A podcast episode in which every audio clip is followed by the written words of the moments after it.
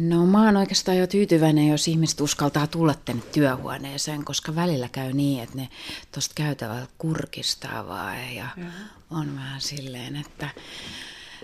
on niin kuin miellyttävää, jos ihmiset haluaa tutustua siihen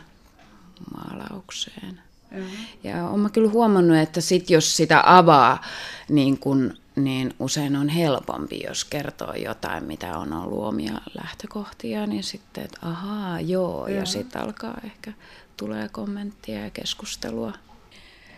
No näissä on kaikissa niin kuin taustalla sillä lailla aika pitkältä semmoinen joku voimakas tunneelämys, jota mä oon vaan niin kuin laittanut siihen, mutta pyrkinyt pysymään niin kuin tavallaan sellaisessa tietynlaisessa tunnetilassa, että ei mitä tahansa. Ja se, mutta sen niin kuin, aika ekspressiivisen maalauksen niin kuin jälkeen mä alan niin kuin työstään seuraavina päivinä niin kuin sitä tavalla, että mitä siinä näkyy, mitä mä näen ja mikä on ehkä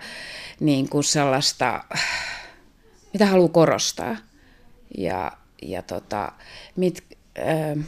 ylipäätänsä niin kuin silleen tunneelämässä, että mikä johtaa mihinkin ja millaisia niin kuin pohjavireitä on ja miten ne ehkä ilmenee